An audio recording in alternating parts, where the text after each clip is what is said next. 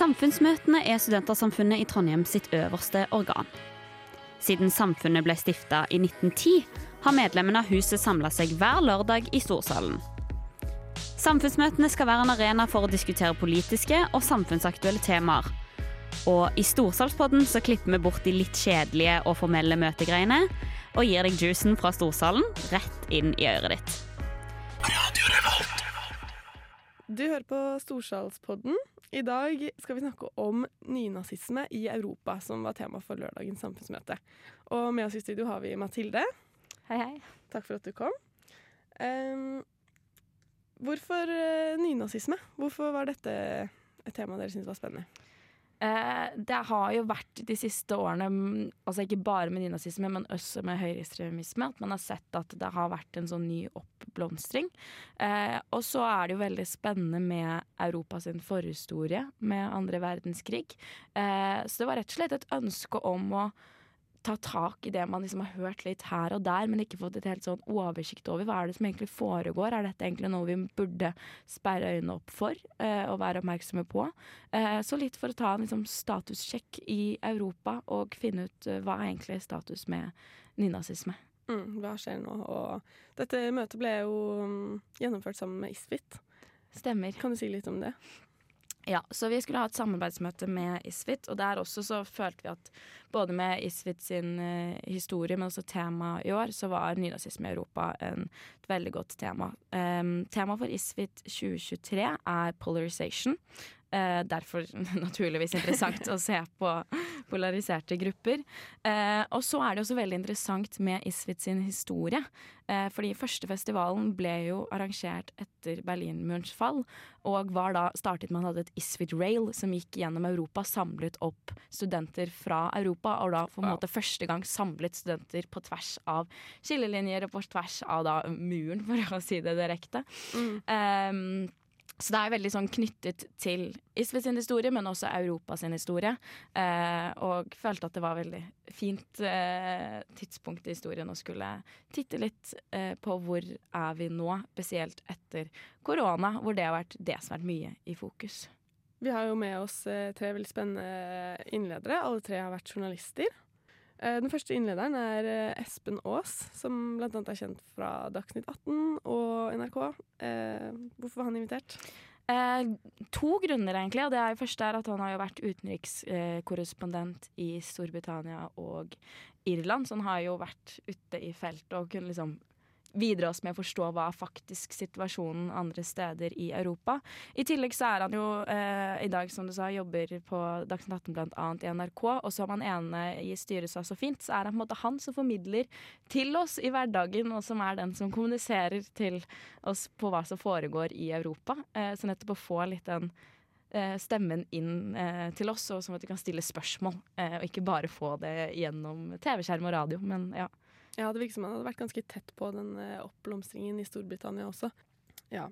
I tillegg så hadde vi Guri Nordstrøm, eh, mm. som var NRK-korrespondent i Berlin fra 2015 til 2019.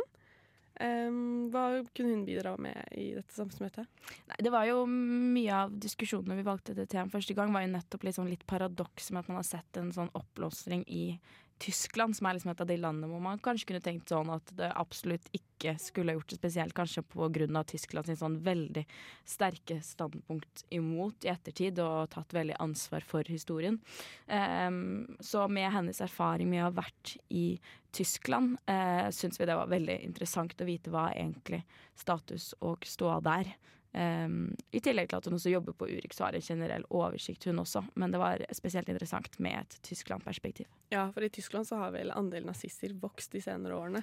Ja, hun påpekte jo veldig at det, det paradokset er kanskje nettopp litt grunnen at man har vært så utrolig hysjende, så utrolig Kanskje litt for begrensende på ytringsfriheten, som har gjort mm. at det har greid å liksom opparbeide seg motstemmer da, som har fått lov til å holde på litt mer for seg selv fordi de har blitt så ja, ikke fått lov til å være med i ordskiftet, så det har blitt så store avstander og nettopp ført til en sånn polariseringsprosess. Ja, og det er kanskje spesielt i etterkant av flyktningkrisen, Mm. hvor Tyskland jo tok imot veldig mange. Ja, absolutt. Eh, Det er jo kjempeviktig, og det tok hun jo også eh, mye tid på i innledningen å fokusere nettopp på hva er den geopolitiske situasjonen eh, som førte til disse strømningene, og da var det annet flyktningkrisen og måten Ikke bare hvilke valg Tyskland gjorde, men nettopp dette med ytringsrommet og hvordan man diskuterte det. Ja. Et veldig spennende perspektiv. Ok, Den siste innlederen er Øyvind Strømmen, som eh, også er journalist og forfatter og har jobbet mye med dette temaet tidligere. Um, hvorfor var han invitert? Han er jo selv som journalist, så er han jo litt sånn som de to andre innlederne også fokuserte på, er han jo sånn eh, ekspertfokuset på ett vis. Eh, da han er ofte en sånn stemme som også brukes inn i av annet NRK etc. Men han har jo vært veldig tett på nynazismen, spesielt gjennom internettet, hvor han har vært i tett sånn direkte møte eh, med nynazistene. Så det var ha de som var litt mer tett på, eh, som vet mer om liksom, menneskene bak eh, individfokuset. Um, så han har jo veldig god erfaring med den veldig sånn dagsaktuelle nynazistiske eh, bevegelsen, og også da med tilknytningen det har til internett. For hva er egentlig internetts rolle i denne polariseringsprosessen, ifølge han? Han var jo veldig opptatt av at først da at en form for internett har fun, fantes veldig, veldig lenge. Eh, og at det at han er på internett, er ikke nødvendigvis fordi han tenker at internett er den store, eh, slemme ulven, men det som foregår på internett, foregår også ute i verden. Så det er en måte å liksom få tilgang på nettopp det som eh, beveger seg og rører i samfunnet. Så sånn jeg forsto han, så var han med liksom at det var en inngangsmåte, og det egentlig bare representerer det som allerede foregår i samfunnet. Ja. Så alle tre innlederne er jo journalister. Hva var bakgrunnen for dette valget? Vi hadde jo litt lyst til å ha et sånn type sånn statusmøte, liksom få litt sånn følelsen av hva foregår i Europa. Og vi syntes da det var interessant å ha folk som nettopp kunne ha litt, eh, om ikke personlig, men liksom førstehåndserfaring, og som kunne liksom rapportere direkte til storsalen. Eh, så det var eh, ja, litt det perspektivet vi ønsket, nettopp noen som kunne fortelle hva de hadde sett med sine egne øyne, og hva som eh, foregår og rører seg i Europa. Ta pulsen på nynazisme i Europa, rett og slett. Nettopp. Og nå er det jo dagsaktuelt også med Ukraina-konflikten, hvor Putin bl.a. bruker denazifisering som unnskyldning for den pågående invasjonen. Eh, dere snakker litt om det? Ja, vi valgte å ta litt tid til Ukraina-konflikten på samfunnsmøtet. Eh, da det var eller sånn, det er jo fortsatt kjempeaktuelt og føltes nesten litt rart ut å ikke skulle snakke om en eh, så viktig ting som foregår i Europa. Jeg syns det var veldig interessant eh, den samtalen som kom opp nettopp ved det med denazifisering.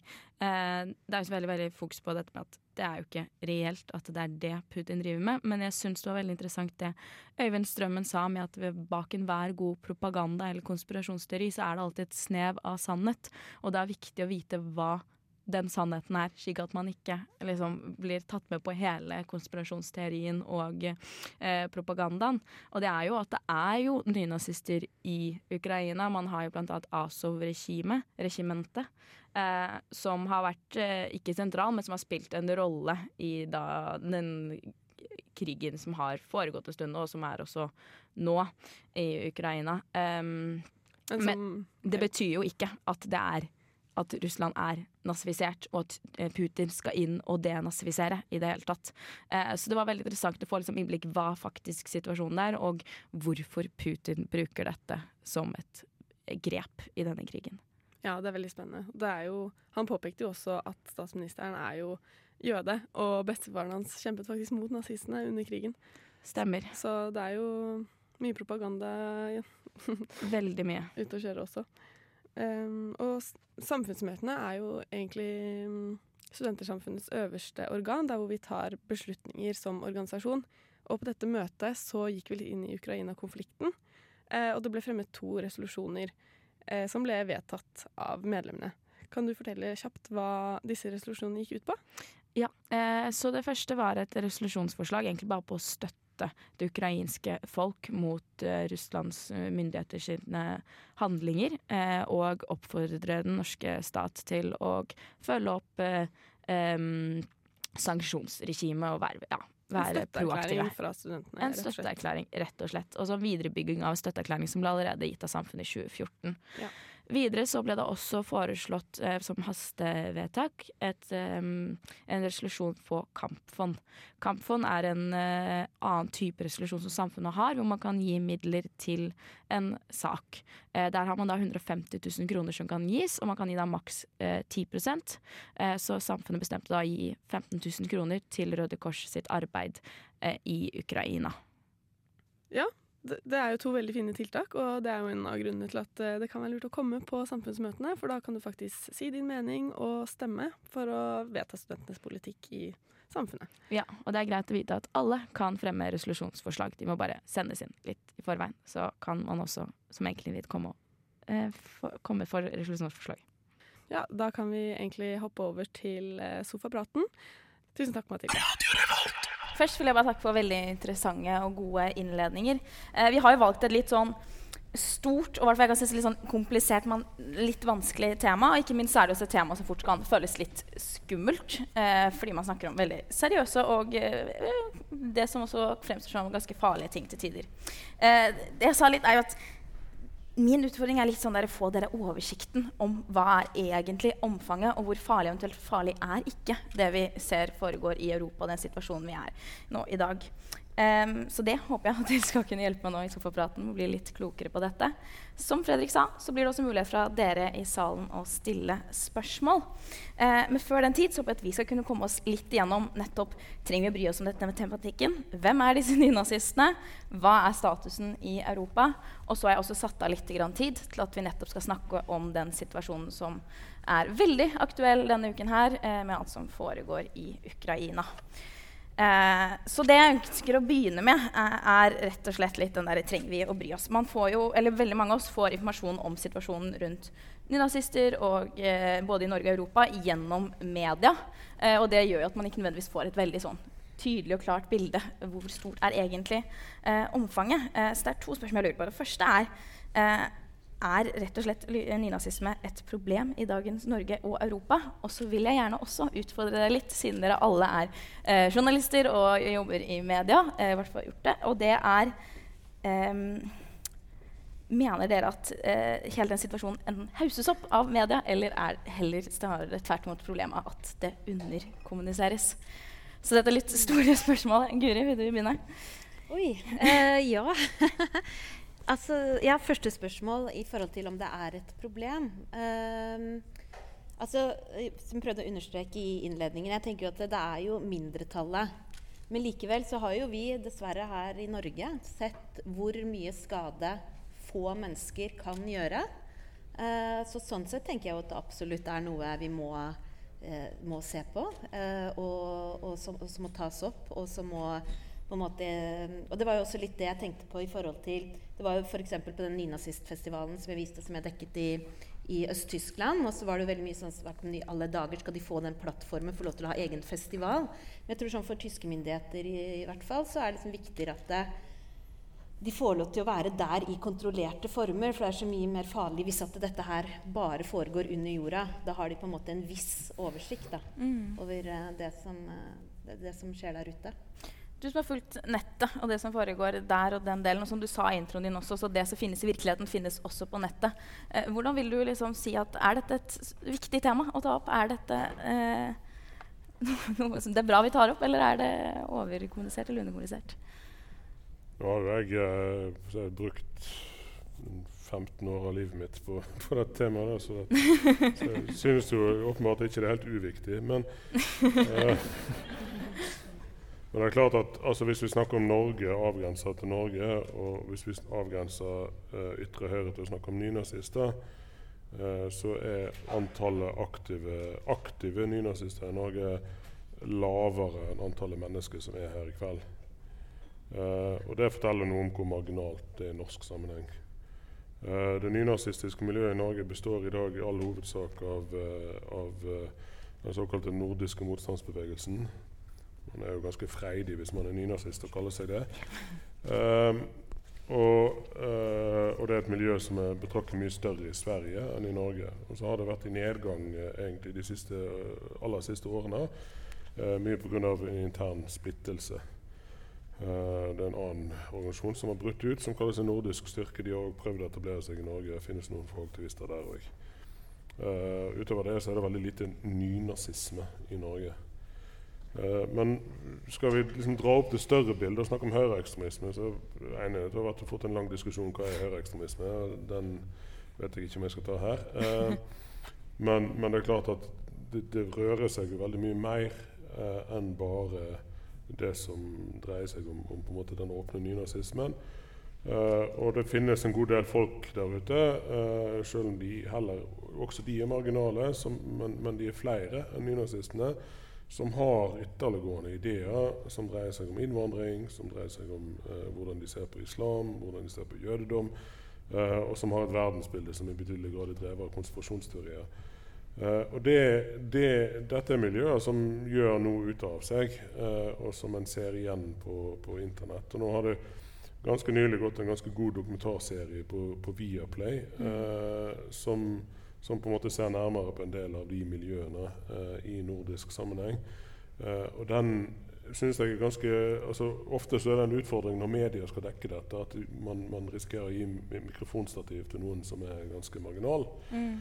Uh, her får de òg på sett og vis et mikrofonstativ i den serien. og Samtidig så synes jeg de klarer å gjøre det på en god måte der. Uh, som viser fram på en måte både noe av det marginale, noe av, uh, av hvor stusslig det her miljøet egentlig er, men samtidig òg viser fram hva det er for et fenomen, og hva det dreier seg om, hva slags ideer som verserer der. Så den, den vil jeg anbefale for de som på en måte ønsker å, å, å sette seg mer inn i det som fenomen.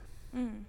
Du beskrev litt i din presentasjon hvis vi går litt over på liksom hvem disse her er. Du snakket jo bl.a. i England hvor man så disse eh, fotballpøblene, eller var pøbler i større grad. Eh, er det fortsatt det bildet i England i dag, at de som er de nyeste bevegelsene, er egentlig pøbler?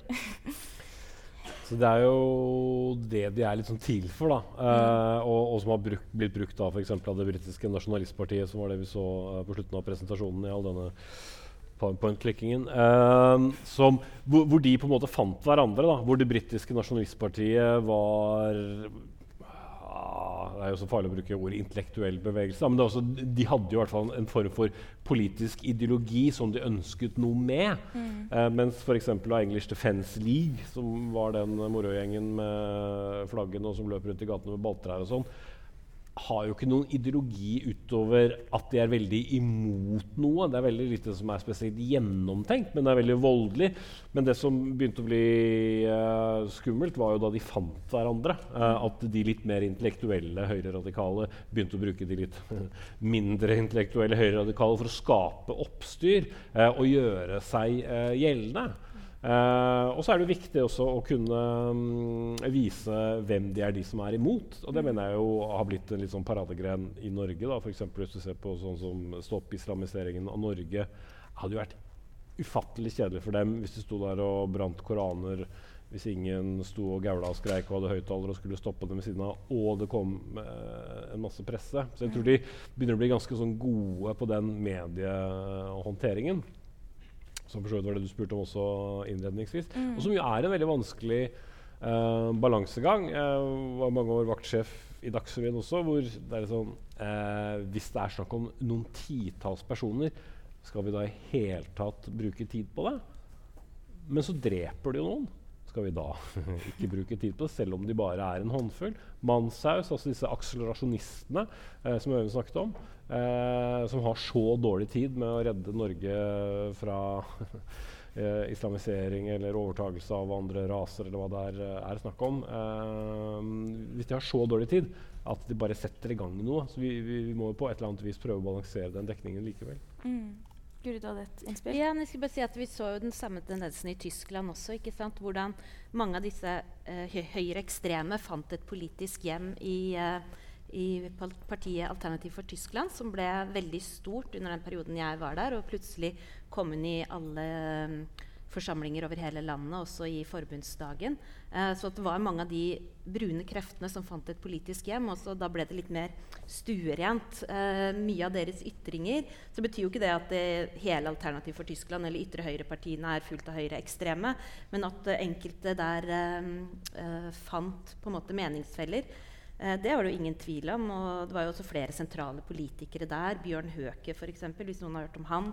Som, eh, som, klagde over at Berlin har et holocaust-minnesmerke midt i sentrum. og ingen andre, altså på en måte at Dette her var jo ikke noe å skamme seg over. Hvorfor skal man bruke en så bra tomt til et sånt minnesmerke?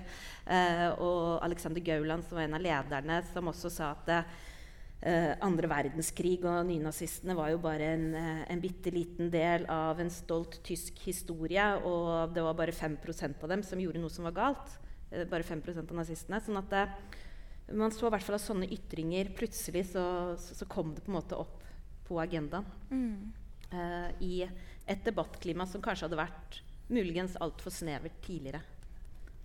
Øyvind?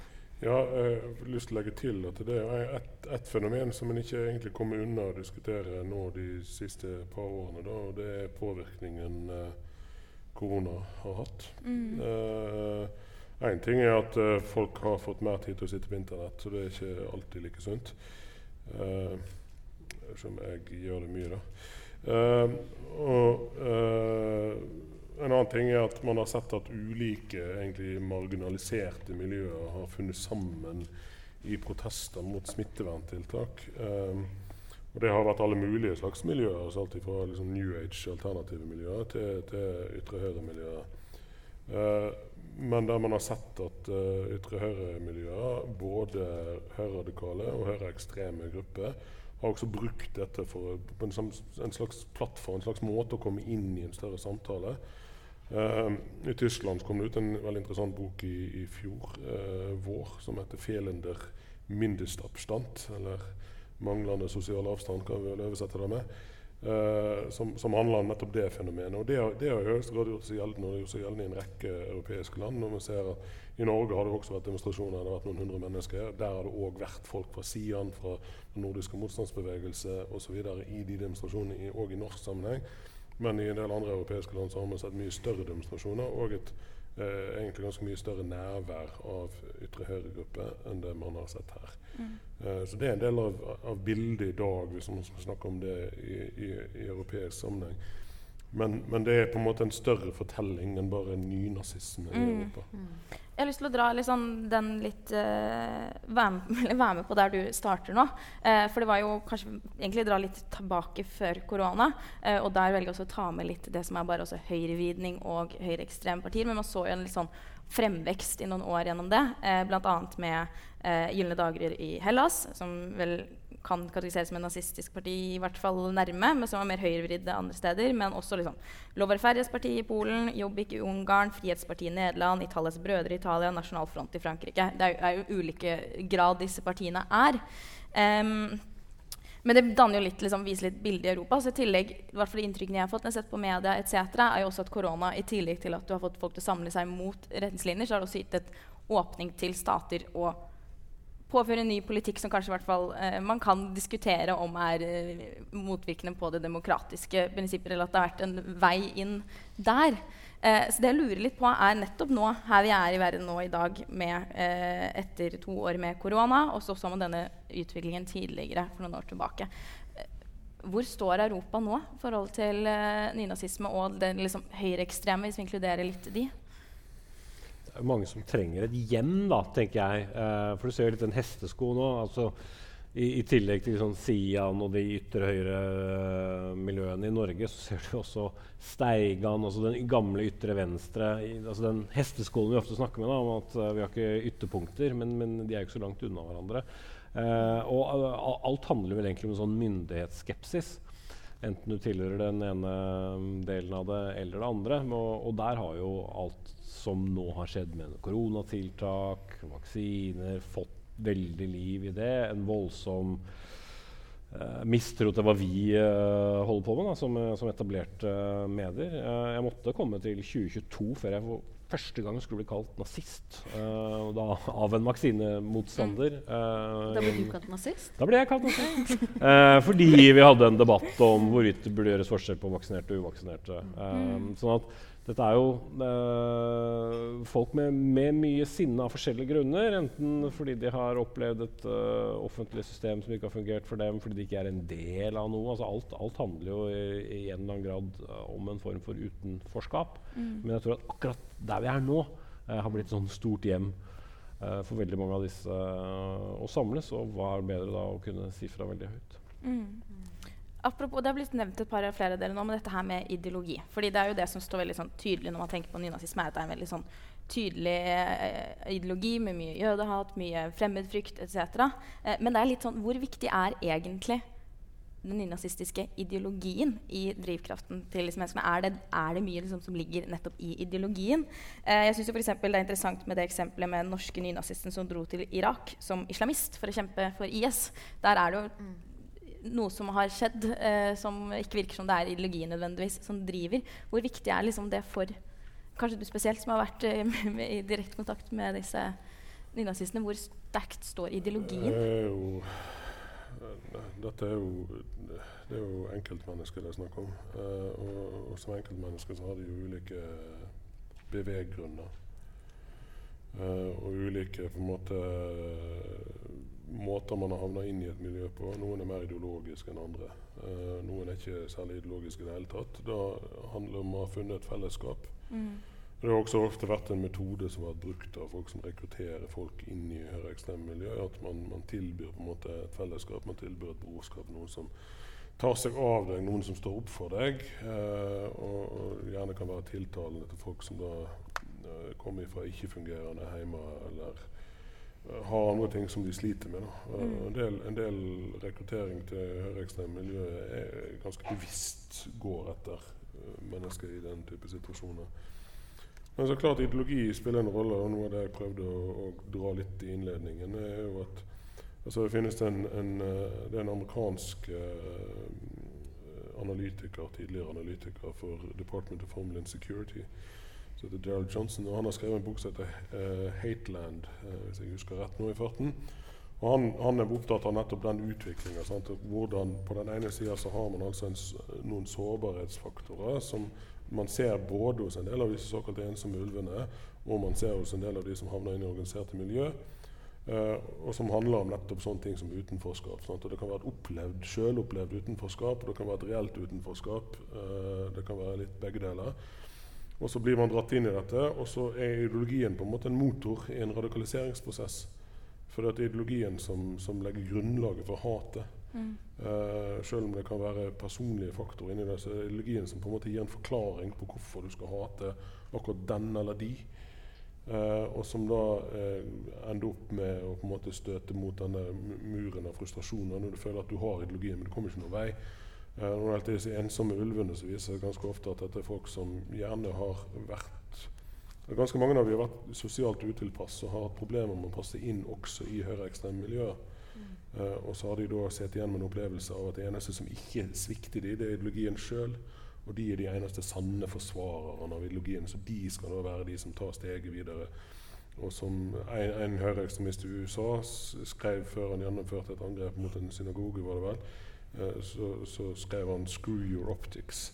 Han var så lei av liksom, debatten om, om, optikk, om hvordan ting så ut, og hvordan en skulle framgå for å, for å eh, på en måte rekruttere flere osv. Det som var viktig for han var at nå måtte vi ha handling. Mm.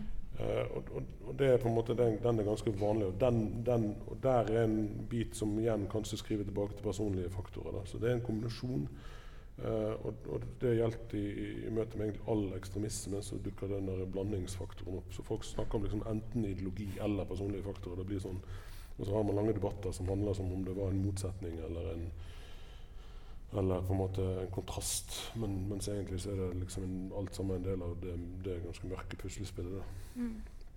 Guri? Mm. Ja, jeg er uh, helt uh, enig. Jeg tror det er mye faktorer med ensomme ulver også. Men jeg tror også det hvis man har samfunn hvor det på en måte ikke er lov til å adressere problemer, da, sånn som man både har sett uh, i, i, særlig i Tyskland, men også til dels i Sverige, f.eks. at man, det er ikke noe forum for å sette debatten øh, og liksom snakke om problemer i forhold til innvandring og integrering fordi at det er helt haram å, å snakke om, så får disse miljøene ekstra kraft. fordi det ser man jo, det er jo måte litt kanskje forklaringen på, at, som jeg fortalte, at eh, man har funnet altså, høyreekstreme innafor yrker som politi, militære eh, På en måte som er tilsynelatende veletablerte, vellykka folk. Han Stefan Ernst som jeg fortalte om, som skjøt og drepte denne kristeligdemokratpolitikeren, han var jo en tobarnsfar. Gift, eh, fast jobb. Eh, naboene sa han var en stille og rolig mann som likte å pusle i hagen. ikke sant? Eh, så han var jo ikke den definisjonen av en ensom inselulv som satt i, i kjellerstua. Eh, men han var jo også, det viste seg jo også at han hadde jo et langt kriminelt rulleblad hvor han hadde tidligere banka opp eh, innvandrere og, og, satt opp eh, brannbomber utenfor asylmottak og i det hele tatt. Men, men, på overflata så, så det jo ut som at, eh, at han tikka av alle boksene på at dette var en helt normal fyr. Mm. Så jeg tror også når det ikke er noe forum for å på en måte, og det, og det har jo vært litt problemet selvfølgelig i Tyskland med sin historie. Eh, det har, det, har, jo skammet seg veldig over eh, andre verdenskrig og nazitida. Og som følge av det så har det ikke vært noe forum for å, å, snakke om Når man da senere har fått en stor innvandringsbefolkning, f.eks. veldig mange tyrkere som ikke, ikke, blir integrert, ikke lærer seg tysk etter å ha bodd der i 20-30 år, eh, så har det ikke vært noen uh, mulighet til å på en måte adressere de problemene. Da. Og da tenker jeg disse skumle miljøene vokser ekstra mye opp i ja, skjulte nettforum og osv. Og, og så kan det gå så galt som det går. Mm. Men det er jo derfor også AFD fikk en sånn voldsom Alternativ for Tyskland fikk en sånn voldsom oppgang etter uh, migrantkrisa. Mm. Blant annet. Mm. Før vi går videre her, så skal jeg fort sette ordet over til Fredrik. Ja, takk skal du ha, Mathilde. Eh, jeg vil bare foreslå at vi setter strek for å melde seg opp på talerlista 1941. Er det noen innvendinger mot det? Slik synes ikke. Eh, da ber jeg storsalen godkjenne ved akklamasjon. Da er det altså fortsatt mulig å melde seg på talerlista. Da går du til Edgar, men eh, ikke da etter 1941. Så gjør det nå. Vi sirkulerer jo litt eh, tilbake nettopp til dette her med eh, det Du snakker litt om det eh, rommet til meninger, og litt for din del er det at man nettopp ikke møtes på disse meningene, eller at det, det blir en mur der. da. Eh, er dette her, Hvis vi ser på den norske konteksten og den norske situasjonen, er dette noe vi står i fare for å gå mer den veien? For sånn opplever det, eller Ut fra det dere har fortalt, så virker det ikke som det er noe som står veldig og brenner på trappene i Norge, selv om man har den nordiske motstandsbevegelsen. Korrekt meg hvis det faktisk viser seg at dette her er en uh, oppblomstring som må tas tak i. Men har vi noe utvikling i det politiske landskapet i Norge som man skal være oppmerksom på? Noe vi liksom må passe på hvordan man kan nettopp kanskje inkludere i stemmene, eller eventuelt dette med de høyere ekstrempartiene, hvor man inkluderer det kanskje for mye. hvis man, ja, Espen? Ja, etter å ha dekket politikk, norsk politikk en del år, da, altså, du ser noen, altså, Folk trenger jo alltid et, et hjem. og for, for, mange så var jo f.eks. Fremskrittspartiet et, sånn, et godt hjem hvis du hadde sterke meninger om, om, innvandring, og etter hvert for så vidt også om uh, islam, som plutselig ble fryktelig viktig i 2001 å ha en veldig sterk mening om. Uh, men så har jo de flyttet seg, da, ikke sant? Uh, for så har man jo sett at det er veldig marginale grupper. Mm. små grupper som er likevel veldig veldig opptatt av dette. Og så får du andre oppblomstringer, da, som demokratene, liberalistene i en, en viss grad. Så har den alliansen mm. uh, med han uh, Lysglimt Johansen som, som jo også var en, en, eller annen sånn form for faktor før man liksom skjønte helt hva som var der, og som jo har gapt over hele dette vaksineskisma-greiene med hud og hår og alt som um, hører til. Eh, og da vi f.eks. i NRK under uh, forrige stortingsvalg i valgomaten da ikke åpnet opp for liksom, Gud hjelpe meg alle verdens rare små og store lister, som jo aldri ville hatt noen sjanse uansett, så bygger du da opp under om at det er et sånt storsamfunn som ikke vil vite av disse folkene som har en annen avvikende mening mm. eh, enn de etablerte partiene som mass mainstream media eh, ønsker å ha seg til. Så de, de, er jo hele tiden på, på let, eh, og du trenger jo ikke lete så langt for å finne dem heller, hvor de diskuterer i, hvis du orker å utsette deg selv for det, forskjellige um, diskusjonsfora som, som, vil lykke opp i dine egne feeder på, på Twitter eller andre steder. Mm. Mm. Jeg tror faktisk ut ifra der vi er i tiden, at vi skal uh, bevege oss litt ut uh, videre til uh, der, den situasjonen som Europa befinner seg i dag. Og jeg syns egentlig det var en veldig fin eh, overgang. For det jeg har lyst til å begynne med litt, er eh, denne propagandaen som eh, Putin bruker, og som sikkert kan være med litt på dette bildet som males nå, hvor han snakker om at han skal inn og denazifisere eh, Ukraina. Eh, så jeg vil bare, bare la oss eh, begynne der. Hva handler dette her om? Hvordan skal vi forstå det Putin sier? Den nazifiserte Ukraina med en jødisk ættet president. ja. Mm. Men det, det, er jo, det, er jo, alltid veldig lett å peke på en fiende. Altså, ingen vil jo liksom like nazister, men også vender du søkelyset tilbake mot Russland. Som en eller annen sa på talerstolen her også tidligere, så er det jo mye mer å hente der uh, enn tror jeg, nå, i Ukraina. Selv om du har jo funnet strømninger der i, i, i Forsvaret og i hæren og små grupperinger med, med nazistiske, nazistiske ideologier. Men f.eks. det derre homo hatbølgen og alt som er annerledes, som har uh, fart over Russland gjennom uh, mange år, er jo langt mer skummelt enn det du sikkert har funnet i, i mindre utstrekning i, i Ukraina. Uh, men for oss så blir det jo litt sånn latterlig mm. å, å, prøve seg på det. Dette passer jo inn i det narrativet som Putin har hatt de siste åtte årene, siden Russland annekterte Krim. At, man, at det er da et naziregime i Ukraina som må ryddes av gårde. Og, eh, og, passer egentlig inn i denne forestillingen han har om at det er et folkemord som foregår.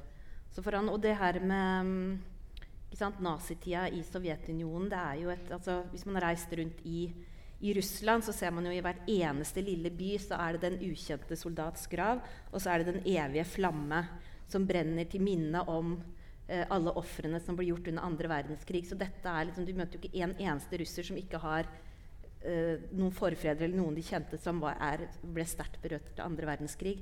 Så han spiller jo veldig på, veldig på dette her. Og så spiller opp, eh, som Espen sa, ikke sant, det, var, det, jo, det har jo vært nynazistiske grupperinger eh, etter Maidan-opprøret i 2014. Eh, noen få som på en måte har uh, Azov-gjengen, er det vel, mm. blant annet, som, uh, som har uh, Ja, ikke sant? Som, så, som fikk på en måte litt innflytelse. og hvor mange ukrainere kanskje var glad for at det var bare noen som sto opp, opp for dem. Men dette utgjør igjen sant, et lite mindretall av det store flertallet som var imot.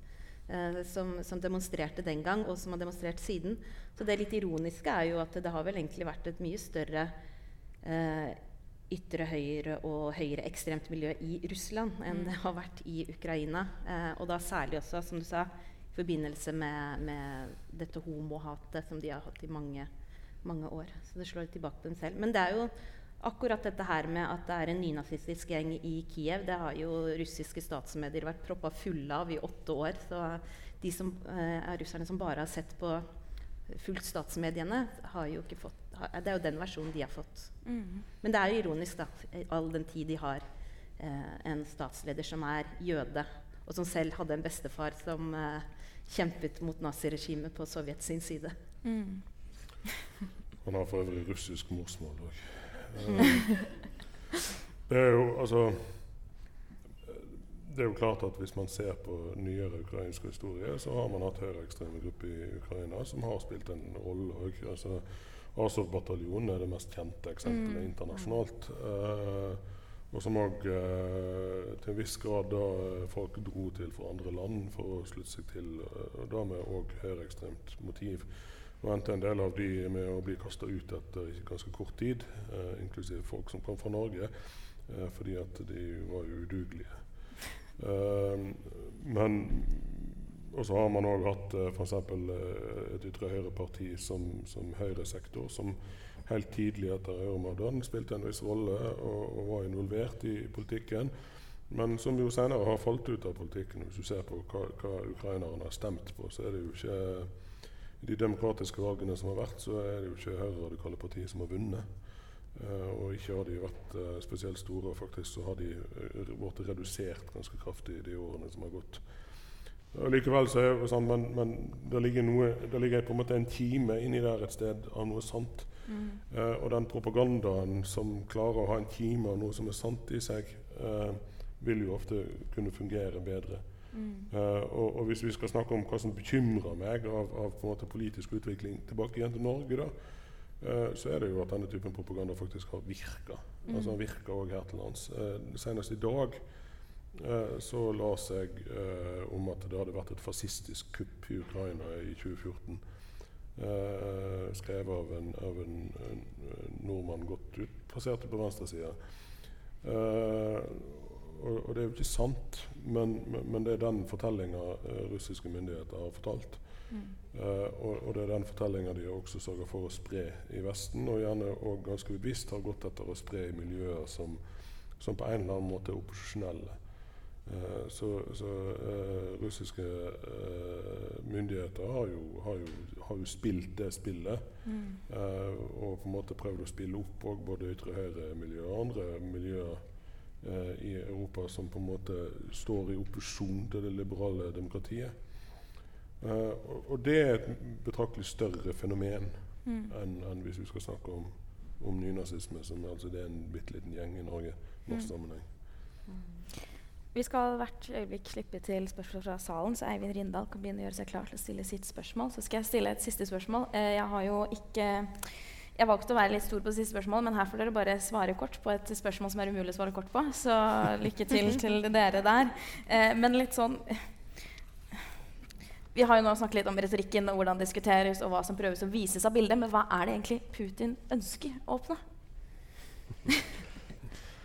Putin vil ha tilbake det gamle Sovjet, tenker jeg. Og så prøver han først på Ukraina. Mm. Men er det noe da fare for at dette eskalerer og blir noe større? Eller er det dit det går, at han skal ha Ukraina? Spørs hvordan dette går, da. Altså, hvor, uh, hvor, lenge man får viljen sin. Det er jo bare å skru historien tilbake. Uh, klarer du først én, klarer du først to. Uh, og alle er lykkelige over at det stopper der. Så ja. Urettferdig å sitere akkurat han i den sammenhengen.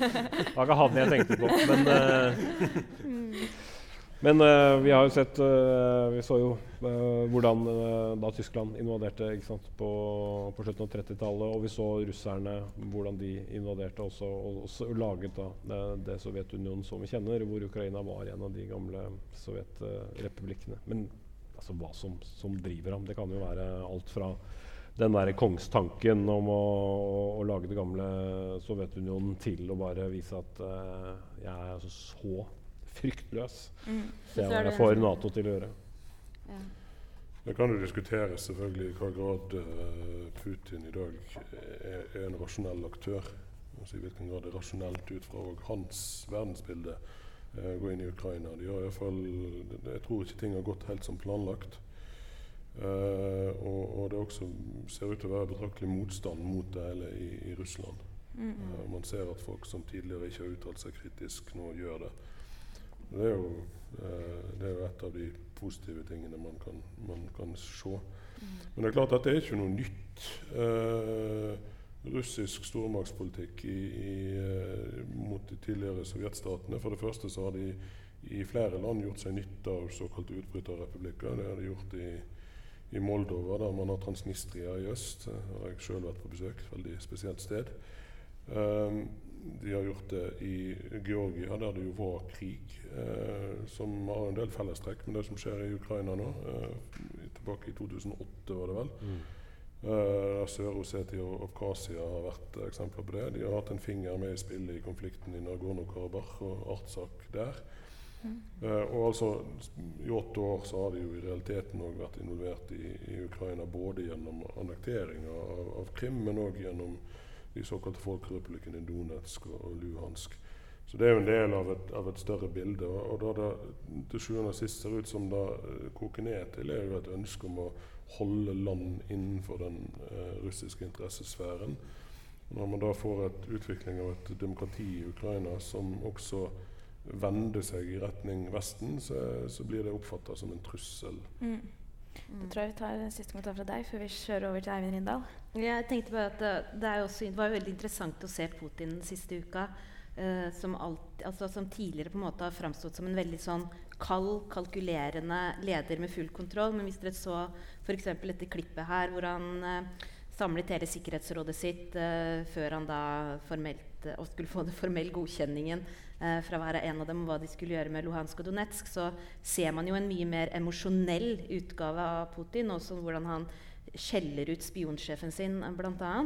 Eh, sånn at jeg tenkte i hvert fall Nå virker det som om han har mye mindre kontroll enn noensinne. Og det er jo ganske farlig når en autoritær leder i 20 år omgir seg med bare yes-sayers. Uh, som leter etter hva er det han egentlig vil ha svar på. I tillegg har han sittet veldig isolert under uh, korona.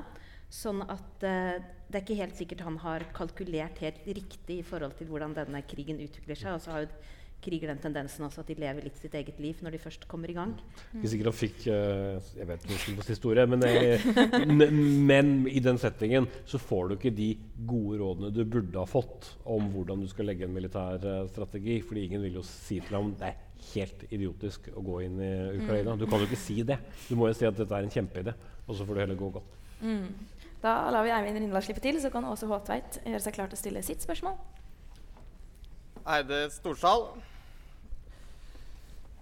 Skal vi se eh, Jeg skal prøve å gjøre dette her til et kort og forståelig spørsmål. Eh, men det handler på et eller annet vis om og Spørsmålet går egentlig også til dere som sitter i salen, men dere i, i, panelet skal selvfølgelig få lov til å svare og tenke videre på det. Men det er spørsmålet egentlig hvor godt forberedt er vi på å møte og håndtere eh, høyreekstreme i kalle det de dagligdagse settingene vi er i. Da tenker jeg spesielt på sånn som i en studentpopulasjon her i Trondheim. Jeg må få ta et lite eksempel. Eh, kort, en av kort. de som var på studietur, eh, for å kalle det det, i anførstegn, ned til eh, Ukraina for noen år siden for å møte Azov-brigadene, og som også har vært på studietur til Tyskland og møtt nynazistene der, møtte jeg første gang her rundt 2008. Eh, og vi krangla etter en debatt eh, her i denne salen, her på Samfunnet. Det er folk i studentmiljøer, også i Trondheim, det sier PST, som har eh, høyreekstreme holdninger, høyreekstreme ideologier, og prøver også å påvirke og infiltrere eh, studentorganisasjoner og studentmiljø. Da er spørsmålet mitt eh, hvor godt forberedt er vi egentlig på å identifisere og møte eh, de høyreekstreme for jeg har den eh, ideen om at den farligste høyreekstreme er egentlig ikke han bølla med skinhead-bølla, liksom, men det er han som går med slips, og som får med seg andre inn i galskapen. Takk. Hvem føler seg kallet? Nei, altså Det er jo en avveining. Eh, jeg, altså, når du har en sånn jobb som, som jeg har, eller vi har, da, så blir du møtt med mye interessant eh, argumentasjon fra, fra de lykkelige hav av lisensbetalere. Eh, og, og, noen av de har jo ideologier som uh, du ikke er helt sånn forberedt på. Og så er det sånn Enten så kan du bare sånn ignorere det og liksom la de lulle seg inn i det du selv kanskje tenker er, er bare vas. Eller så må du jo møte da, med, med, med, debatt. Uh, og litt av de tingene som jeg har vist fra, uh, i, i, min presentasjon, som er fra før opptil flere var født, sikkert. Uh, men da kom det jo en del sånne oppgulp av partier som Hvit valgallianse, Folkeaksjon mot innvandring. Sånn ekstremt uh, sinne og raseri. Men den gangen så ble du da faktisk tatt inn i en god del debatter, stilt kritiske spørsmål, og det gikk jo ikke noe bra. Uh, samtidig som det var uh, For dem, da. Samtidig som det var mange som sa nei, men vi, vi må jo bare holde opp. altså De representerer sånn 40 stykker. Skal de sitte på nasjonal TV og få lov til å argumentere for sitt syn? Nei. Ja. Mm. Men det, det, er ikke sikkert vi gjør jobben vår verken som journalister eller som samfunnsengasjerte hvis ikke vi stiller motspørsmål. Mm. Så det er jo noe å, å, ta det på alvor. Men det er ikke sikkert at vi skal ta det like mye på alvor som alt av etablert politikk. Mm. Hva skal vi som studenter hvis vi møter en medstudent som er, har høyreekstreme, nynazistiske, ekstremistiske holdninger? Jeg vet jo Det er et spørsmål som jeg syns er helt umulig å svare på. For det kommer helt an på situasjonen. Altså enkelte ganger, om det er en konspirasjonsteori eller høyreekstrem ideologi, eller hva det enn er, så, så, kan jo dette være pga. noen faktorer som ligger bak, som vi var inne på. Sant? Og kanskje, mm. hvis det er noen du kjenner, noen du, du, har grunnlag for å snakke med om dette, så kan du kanskje klare å bore i hva det egentlig ligger bak. Og du kan kanskje være den broa tilbake til normaliteten. Uh, men så er ikke det nødvendigvis noen kul posisjon å sitte i, og det er ikke sikkert du har lyst til å ha noe med vedkommende å gjøre. Uh, og det syns jeg faktisk må være lov uh, å ikke ha. Um, og så er det noen som har gått for langt til at du kan på en måte ha noe særlig håp om å, om å nå inn òg. Uh, så det blir en helt sånn individuell vurdering. Men det er klart at det er sant, glad for spørsmålet blir stilt og blir vist til dette som PST sier. For det som det til dels handler om, er jo folk som ikke en del av organiserte miljø som sådan. altså Ikke den typen folk du ser på gata i forbindelse med demonstrasjoner, men som, men som, har blitt radikalisert over internett, og, og som lar seg inspirere av akselerasjonisme osv. Mm. Og det, den type folk finnes det selvfølgelig også i norske studentmiljø. Det er ikke mange av de, det er ikke mange i Norge, men de finnes, de eksisterer. PST har jo framhevet at dette er den største terrortrusselen når det gjelder uh, høyreekstremisme i, i Norge. Uh, så hvis man oppdager noe sånt, så er det jo også på sin plass å gi beskjed, da. Mm. Rett og slett. Ja. Til over, overheten. Mm. Da lar vi Åse eh, Hotveit stille sitt spørsmål. Ærede storsal. Mitt navn er Åse, og jeg er medlem. Jeg er også president i ISFIT. Og da temaet polarisering ble valgt, er det veldig mange som har kommet til meg og stilt meg spørsmålet skal du invitere en nynazist. Så jeg spør dere da, ikke som en høyreradikal eh, festival i Tyskland, men som en internasjonal studentfestival med fokus på debatt og dialog. I hvilken grad skal man gi nynazister en plattform når man snakker om polarisering? Nei, det syns jeg er veldig vanskelig å gi noe råd på. Eh, men det jeg tenker kunne vært interessant, og som jeg også har tenkt når jeg har reist rundt i Europa og intervjuet disse, veldig, mange av disse som da ikke er høyreekstreme, men som er på ytre høyresida, uh, det er jo å høre hva er deres argumenter, hva er det de kommer med. Og så tenker jeg i forhold til det der, liksom, hvordan skal man møte det? Det jeg forsøkte å gjøre, hvert fall, var å komme med fakta. altså La de prate. Ok, la de få si da at uh, det er liksom uh, Alle som står bak voldtekt av tyske damer, er utlendinger. Og da har statistikken klar. Nei, det stemmer ikke. Flertallet er ikke sant? At man på en måte har fakta klare. Men selvfølgelig, det er jo kjempevanskelig Det er jo kjempevanskelig å diskutere med, med, den gjengen. For de vil jo bare motsi at det er fake news og fake facts og sånn. Jeg tenker bare Vet ikke om dere har hørt den her podkasten som tok for seg Philip Manshaus. Det var Aftenposten som lagde den. Det var jo veldig interessant, for det er jo flere av de som gikk på folkehøyskole med han, som sa at vi prøvde å diskutere med han. Læreren sier vi prøvde å på en måte guide han inn på at uh, det du sier, er helt historieforfalskning. Det er helt hinsides. Men altså, man når ikke inn, da. Så jeg, jeg syns det er kjempevanskelig. Mm. å um, på en måte motdebattere. Også fordi at det nå finnes en sånn stor alternativ virkelighet der ute på nettet, ikke sant? hvor de finner sine ekkokamre og finner gehør for det de selv, uh, selv synes. Men, um, men, som vi har snakket om her også, det går mye på det, Mange av disse er jo også ensomme. Uh, altså Mye er gjort ved inkludering òg, da. Mm. Men det er jo kjempevanskelig. Virkelig. Jeg syns jo ikke det er så vanskelig. For å svare på spørsmålet, da. Svaret mitt er nei. Uh, jeg syns det er et relativt klart svar. jeg kommer jo fra Vestlandet, og på Vestlandet så driver vi jo fremdeles av og til på med såkalte fesjå. Uh, og det å invitere høyreekstremister inn i alle mulige sammenheng, om det er på NRK eller om det er i en sånn paneldiskusjon, det er fesjå. Man får fesjå. Uh, og, og, det har litt verdi hvis du skal finne ut hva slags uh, vær du skal ha til å, til å uh, impregnere sauna, men det har ikke så stor verdi hvis det gjelder høyreekstremisme. Mm.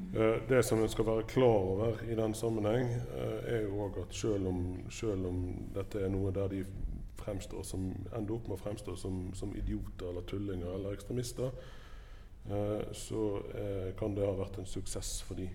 Hvis det er 200 mennesker i en sal, og de har nådd én, så er det en suksess. Selv om de 199 andre syns at det er en idiot. Mm.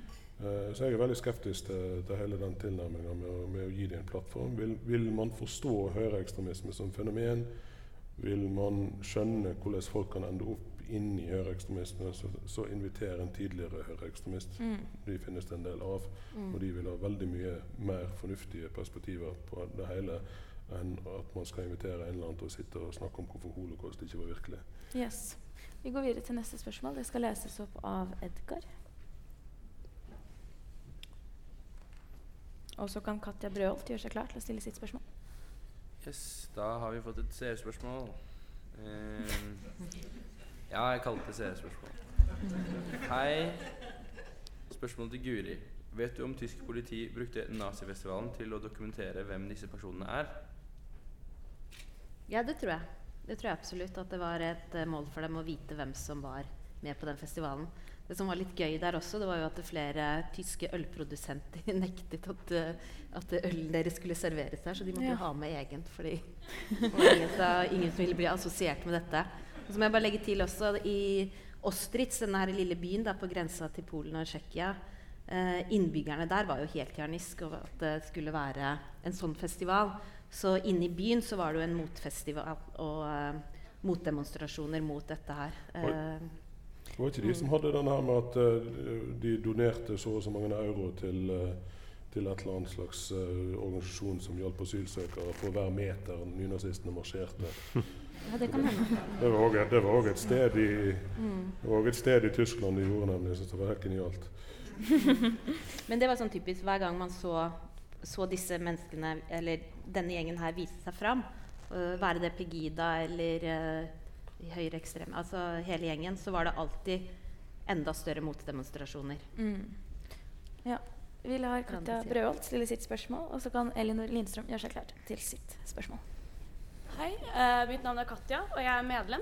Uh, som en som har vokst opp med at internettet blir mer og mer en del av hverdagen, så ser jeg at mange, kanskje på min alder, som også syns det er vanskelig å forholde seg til hva som er politisk korrekt fra dag til dag, velger å bruke da nettet, eller kanskje gamingroomet, som et uh, fristed for å si det de ellers ikke tør å si ut av en slags frykt for å bli cancelled. Disse, hvor reelt er det at dette kan ha konsekvenser i den virkelige verden? Hvis man er bevisst på at eh, å si dette på rommet sitt med vennene sine er kontekstbasert, er det da mindre skadelig? Og hvis det er skadelig, hvordan kan man kommunisere dette til folk man kanskje ser på som venner og omgås med hver dag? Takk. Ja. Jo, nå skal du høre. Ja. Som alt her eh, så er det jo ikke noe, det er ikke noe, det er ikke noe entydig svar på det. Men jeg syns det er interessant å se litt sånn over tid da, hva som er akseptert og ikke blir akseptert. Altså, det flytter seg hele tiden. Så på en måte så kan man si at uh, det er mer og mer som blir akseptert, men samtidig så er det jo heller ikke det. Altså, da jeg uh, vokste opp på 80- og 90-tallet, så liksom før den der eh, islamofobi-greia, da, men hvor, hvor, hvor da alt handlet om hva man skulle kalle folk med en annen hudfarge, enten det var n-ord eller pakkis og sånne ting som i dag jo bare er helt latterlig, og som ingen kan si uh, uten at man blir sett på.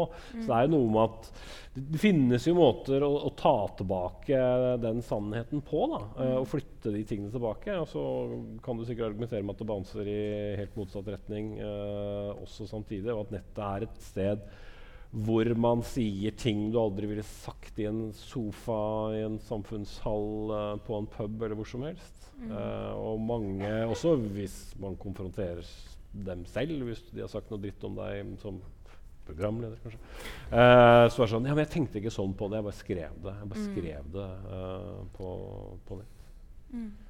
Et kort uh, er det- er jo klart at Jeg er opptatt av internettradikalisering som et fenomen, men jeg er veldig tilbakeholden med å liksom gjøre Internett til problemet i seg sjøl. Det, det er jeg litt opptatt av å understreke. Og så er det en del som tyder på, for å si det rett ut, at uh, ungdommen uh, tåler Internett ganske mye bedre enn en del boomers.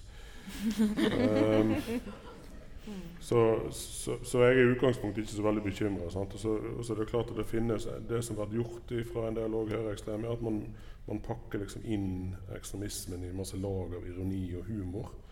Til dels er man ganske god på det, og så, og så dekker man seg bak det. Sant? Nei, det er bare ironi eller sarkasme eller humor. Og det er klart Der ligger det en, en fare, eh, fordi at en del av den humoren som f.eks. er rasistisk, da, kan bli brukt til å på en måte selge et ideologisk budskap. Men samtidig så er det klart at veldig mye av det ender jo opp med å faktisk bare være eh, mørk og, og ganske teit, men, men, likevel en form for humor. Mm. Uh, så man skal jo heller ikke få panikk på en måte i, i møte med den type ting. Men det er klart at hvis man uh, oppdager at uh, begynner å omgi seg med med f.eks. Uh, symbolikk som er knytta til høyreekstreme miljøer, uh, så uh, bør det begynne å ringe noen alarmbjeller. Mm. Jeg vil la Elinor Lindstrøm stille sitt spørsmål, så kan Svein eh, Erik Olsen gjøre seg klar til å stille sitt. Hei, jeg heter Elinor Lindstrøm, og jeg er medlem. Um, og mitt spørsmål går egentlig litt på hvilken tidshorisont er det vi ser på her nå, og hvor hastverk har vi med å ta tak i høyreekstremismen, og kanskje da særlig nynazisme, som problem? For som vi sier, at det er lenge siden andre verdenskrig nå, og så kanskje det dukker opp som en sånn Oi, er dette fortsatt et problem? Er det fortsatt noe vi er nødt til å snakke om? Og det ligger kanskje noe i at det har fått ligge urørt lenge. At det har foregått i det skjulte, og så nå er de mange nok, eller nå er de sterke nok til å, å nå mainstream media.